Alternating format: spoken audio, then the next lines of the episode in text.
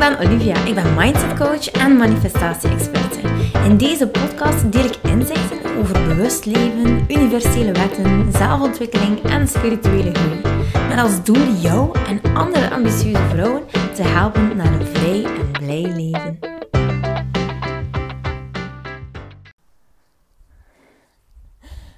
Hoe in godsnaam kan je scheiden van je partner? En hoe in godsnaam zorg je ervoor dat de impact op je kind zo min mogelijk is? In feite is het zo dat als je kiest voor een partner, dat dat eigenlijk een soort van momentopname is. Je kunt dat eigenlijk um, ja, ergens gaan zien als, is, dat een, is die partner een match voor jou op dat moment? Uh, of niet. En uh, uiteraard, elke persoon dat je in je leven eigenlijk krijgt, die is er eigenlijk om jou iets te leren. Dus die partner die is er echt om jou iets bij te leren over het leven of bepaalde lessen uh, die je moet krijgen in het leven. En soms kan het natuurlijk dat op een duur dat je zegt van ja, ik voel het niet meer, die persoon doet het niet meer voor mij. Uh, ik voel dat ik, uh, ja, dat het misschien wel een keer zou kunnen doodbloeden. Eh? Ofwel zit je daar, ofwel zit je al een stapje verder en is het eerder een veertje.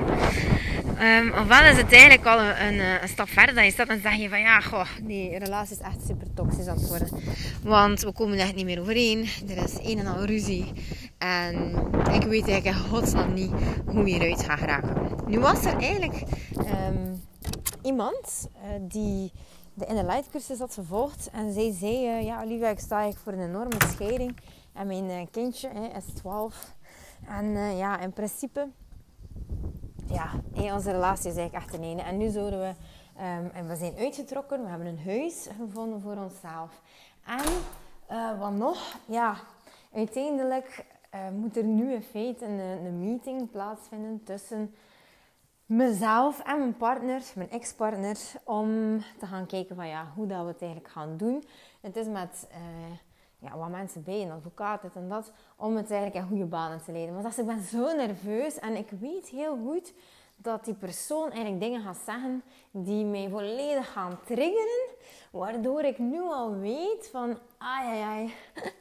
Ja, dit komt gewoon niet goed. Ik ga zo kwaad worden ervan. Ik ga zo uit onmacht um, ja, me zo verschrikkelijk voelen.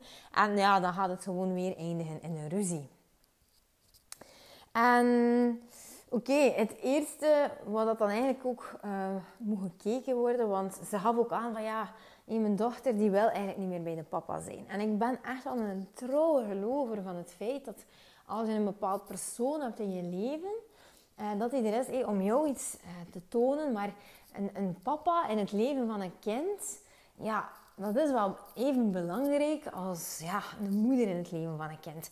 En ja, uiteindelijk is het toch wel de bedoeling dat je gaat streven naar een soort van overeenkomst waarin het kind eigenlijk beide ouders kan zien. En eh, dat er gewoon wat begeleiding is dikwijls om die relatie juist te gaan versterken. Nu, wat er heel vaak gebeurt is dat uh, mama's en papa's dus niet overeenkomen. En dat je ziet eigenlijk dat het gevecht niet alleen ontstaat tussen vader en moeder of andere partner, maar dat het echt gewoon ontstaat ook tussen ja, het kind en de ouders. Een kind hoeft nooit een gevecht te strijden. Nee, nooit, nooit, nooit. Dat is nooit oké. En het is ook nooit oké om te gaan een kind um, betrekken daarin. Maar wat we eigenlijk ook zien is dat um, een moeder en vader die leven plots alleen. Hup, kind wordt um, dan uiteindelijk uh, ja, in co-ouderschap. een weekje, weekje staan nu. Um, en wat, dat, wat we dan eigenlijk zien gebeuren is dat het, ja, het kind die wordt eigenlijk al een beetje verscheurd tussen de twee. Dat is één.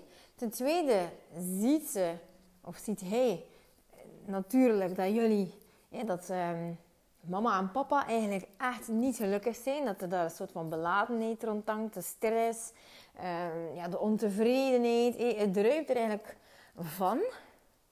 En dan um, wil een kind dat altijd compenseren. Een kind wil eigenlijk altijd, altijd, altijd compenseren. Dus die gaat eigenlijk zich ergens gaan enorm vermannen. Of die gaat zich um, enorm sterk voordoen. Om, die gaat eigenlijk zorgen dat er op haar of hem niets aan te merken valt. Zodanig dat de ouder het makkelijker krijgt. En in veel gevallen is dat niet het makkelijker krijgt, maar dat de ouder eigenlijk gewoon helemaal vrolijk wordt van wat het kind doet. Dus het kind begint plots heel veel in het huishouden te helpen. Die gaat taken uit je handen nemen. Um, en dan merk je al van, oh ja, dat is eigenlijk niet echt oké. Dat is eigenlijk niet oké. Dat kind hoeft dat helemaal niet te doen. Een kind moet kind zijn. Die moet zich helemaal niet vermannen. Die mag emoties tonen. Die mag tonen van, hé, hey, ik heb het lastig. Uh, de impact op, de, op het fysieke welzijn van een kind is dikwijls enorm. Hè. Ik heb het over maagzweren. Ik heb chronische migraine.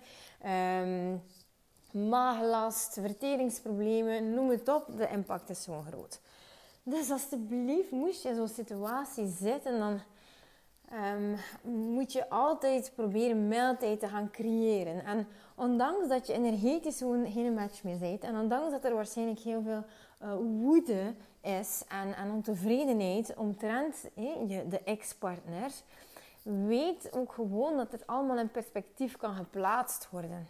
We doen alles als mens met een hele mooie uh, intentie meestal. En als we voelen uh, dat, dat we eigenlijk zeggen van... Die actie, die, die stap die die persoon heeft ondernomen... dat kan ik absoluut niet begrijpen. Weet dan dat dat waarschijnlijk is omdat die persoon iets gedaan heeft vanuit ongelooflijke angst. Bijvoorbeeld... Um, soms schieten we echt in ons reptielenbrein. Hè? Zonder, dat is net een, een kind van vier. Uh, die, die ligt te brullen op de grond. Die schiet ook gewoon in zijn reptielenbrein. En die zo... Allee, in feite is een mens tot heel veel in staat. We kunnen eigenlijk gaan stellen dat een mens echt in staat is. Elk mens...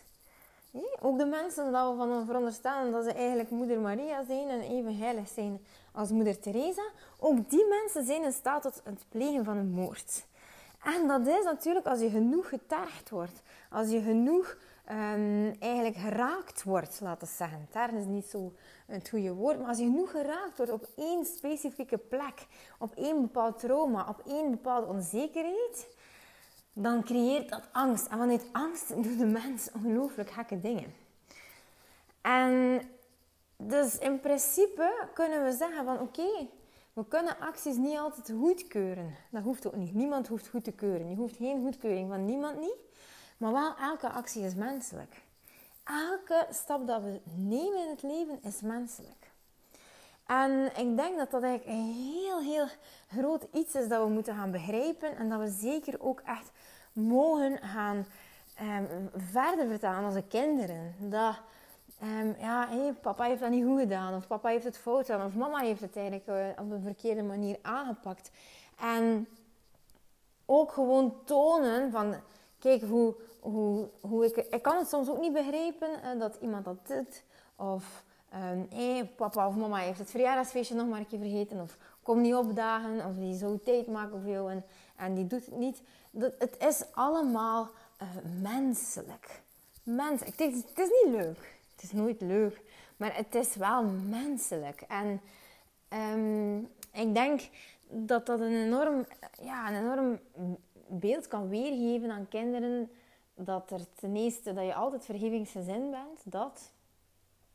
Dat wil niet zeggen dat je elkaar moet blijven zien. Hè. Dat wil niet zeggen dat je in elkaars omgeving moet blijven. Um, je kan je altijd een, een bepaalde afstand houden. Je kan geen match mee zijn. Maar dat wil wel zeggen dat je. Dat wil wel zeggen dat je gewoon ruimte laat en dat je fouten laat zijn. Want het eerste mens die foutloos uh, ja, leeft, die moet nog geboren worden. Hè?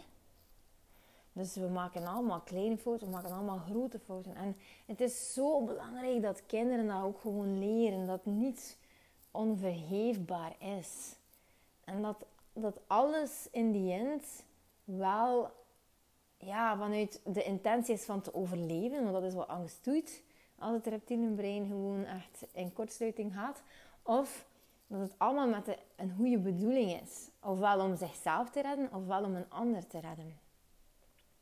Dus het laatste, en dat zou mij echt ontzettend veel pijn doen, is dat er zo.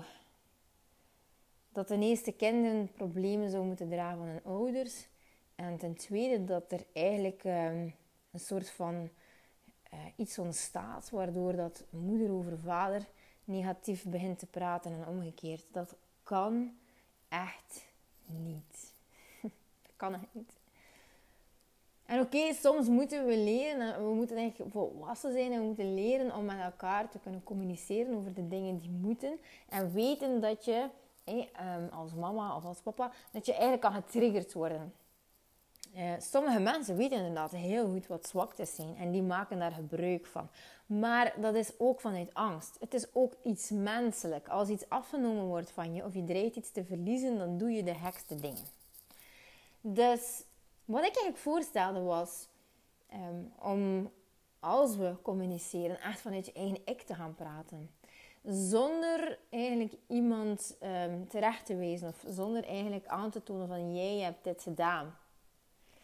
En dat kan je heel makkelijk door te zeggen van um, in een relatie. Even weten, je had het over twee dames. Eén dame die eigenlijk haar relatie nog moet verbreken en de andere die eigenlijk uh, de ex-partner eh, moest onder ogen zien. En bij die dame die dus de relatie moest ja, verbreken, laten zeggen, heb ik eigenlijk gezegd van kijk, praat vooral uit je eigen ik. Ik geloof nog steeds dat alles gewoon te communiceren valt. En dat je echt wel kan zeggen van kijk, eh, op dit moment voel ik niet wat, ja, wat een relatie zou moeten zijn voor mij. Ik heb daar een beetje een ander beeld van. En ik voel dat, ja, dat, dat het vuur en dat de passie bij mij ontbreekt. En ik heb een beetje het gevoel dat onze relatie wel aan het doodbloeden is. Je kunt het zo zeggen, maar je kunt het ook gewoon op een heel andere manier uh, zeggen. En ik uh, zie heel vaak dat dat ook zo gebeurt. Uh, ja, maar vanaf dat, eh, dat er frustraties zijn of je ziet het verdriet bij iemand, dat je eigenlijk gewoon gaat zeggen van ja, oh ja je hebt mij eigenlijk teleurgesteld op dat gebied en jij hebt dit gezegd en daardoor ben ik me onzeker gaan voelen en dit is gebeurd en jij hebt mij niet het juiste gevoel gegeven. Terwijl dat je echt wel gewoon niet altijd een reden nodig hebt ten eerste om een relatie te verbreken. Dat. En uh, ja, gewoon een mismatch zijn kan ook. Als je het niet meer voelt, dan voel je het niet. Hè? Um, en dat je gewoon ook echt um, mag uitspreken waar, waar, waar, jij je gelooft, waar jij voor staat. Je, dat mag echt wel uh, zijn dat je zegt van... Ja, ik, ik, uh, ik had een relatie bijvoorbeeld een beetje anders voorgesteld. Um, ik geloof erin dat een relatie veel meer passioneel kan. Of dat, uh, ja, dat, dat ik, uh, ja, noem maar op eigenlijk. Noem maar op wat je dus eigenlijk verlangt en wat je voelt. Dat je, ja, wat dat eigenlijk een beetje je droombeeld is van een relatie. En dat, ja, dat het gewoon niet gebeurt. Dus ik raad je echt aan om vanuit je eigen ik te gaan praten. Tegen iedereen, hè? ook tegen je kinderen. Gewoon vanuit je eigen ik gaan praten. Ik voel dat je verdrietig bent. Ik voel het niet meer in onze relatie. Um, ik kom thuis en ik, ik voel een beetje teleurstelling, want ik, ik zie dat niet alles ligt zoals ik het wil. Echt, gewoon dit. Oh, dit zou wel zoveel conflicten kunnen oplossen in de wereld. Maar we zijn zo gewoon om iedereen te beschuldigen. Hè. Het is ongelooflijk. Het is een automatisme gewoon. Hè. We denken er zelf niet meer bij na. dus yes, dit. Gewoon praat vanuit je eigen ik. Tegen je baas kan dat ook. Hè. Tegen je baas, tegen je collega's. Van hey, ik heb het gevoel dat ik niet altijd begrepen word. Ik heb het gevoel dat ik keihard werk en dat er heel weinig return is. En ja, zo, dan wordt eigenlijk niet getriggerd dan wordt er eigenlijk gewoon eerlijk een mening vertaald. En de intentie moet dan ook echt super, super goed zitten. Met welke boodschap vertaal je iets? Maar hoeveel liefde vertaal je iets? Als jij uh, vertaalt in je partner dat de relatie uh, uiteindelijk niet is wat je gehoopt had, dan als je dat met een hele lieve intentie gaat uh, vertellen, in de zin van, weet je, je hoeft ook zijn tijd niet te verspillen. Je bent jouw tijd aan het verspillen, maar evengoed zijn tijd. Dus de tijd dat jij nog je vastklampt aan hem, of haar. En ja, dat is gewoon ook die tijd van die andere persoon te gaan verspillen. Dus dat is ook energetisch is dat ook niet oké. Dus voilà. Dat. Dus met de juiste intentie, als je iets zegt met, met heel veel liefde en uh, dan komt het ook gewoon echt wel uh, terug. Dus dan kan je eigenlijk een heel begrijpende reactie uh, verwachten. Ook kan je soms um, ja, het gesprek zo wat voorbereiden. Hè. kan je ook echt wel zeggen, ja, ik, ik moet jou iets vertellen of kan ik eventueel een gesprekje met jou inplannen als het dan over je baas gaat of maakt niet uit met wie. Doe vooral wat aligned is met jou. Doe vooral wat goed voelt voor jou. En je gaat echt wel merken dat praten vanuit je eigen ik, dat dat iets is die jou zelf een heel goed gevoel gaat geven. Um, je gaat zelf minder gefrustreerd lopen. Je gaat zelf eigenlijk meer in je kracht kunnen blijven staan. En echt meer vanuit de juiste intentie kunnen communiceren. En dat ook vasthouden. Voilà, lieveling, dit was het helemaal wat ik je wilde vertellen. Oh my god, ik heb zoveel inspiratie. Dus uh, laat me weten wat je ervan vindt. Doei! Lieveling, dankjewel dat je luistert. Ik ben blij dat je erbij was. Mag ik je alsjeblieft vragen in ruil voor deze gratis content mij wat sterkes te geven op Spotify of op iTunes? Of stuur je bevindingen door per DM op Instagram. Zo help je mij om andere vrouwen te helpen om hun weg te vinden naar het vrij en blij leven. Ik hoop dat je er de volgende podcast weer bij bent. Ik ben je eeuwig dankbaar. Tot dan. Dikke kus.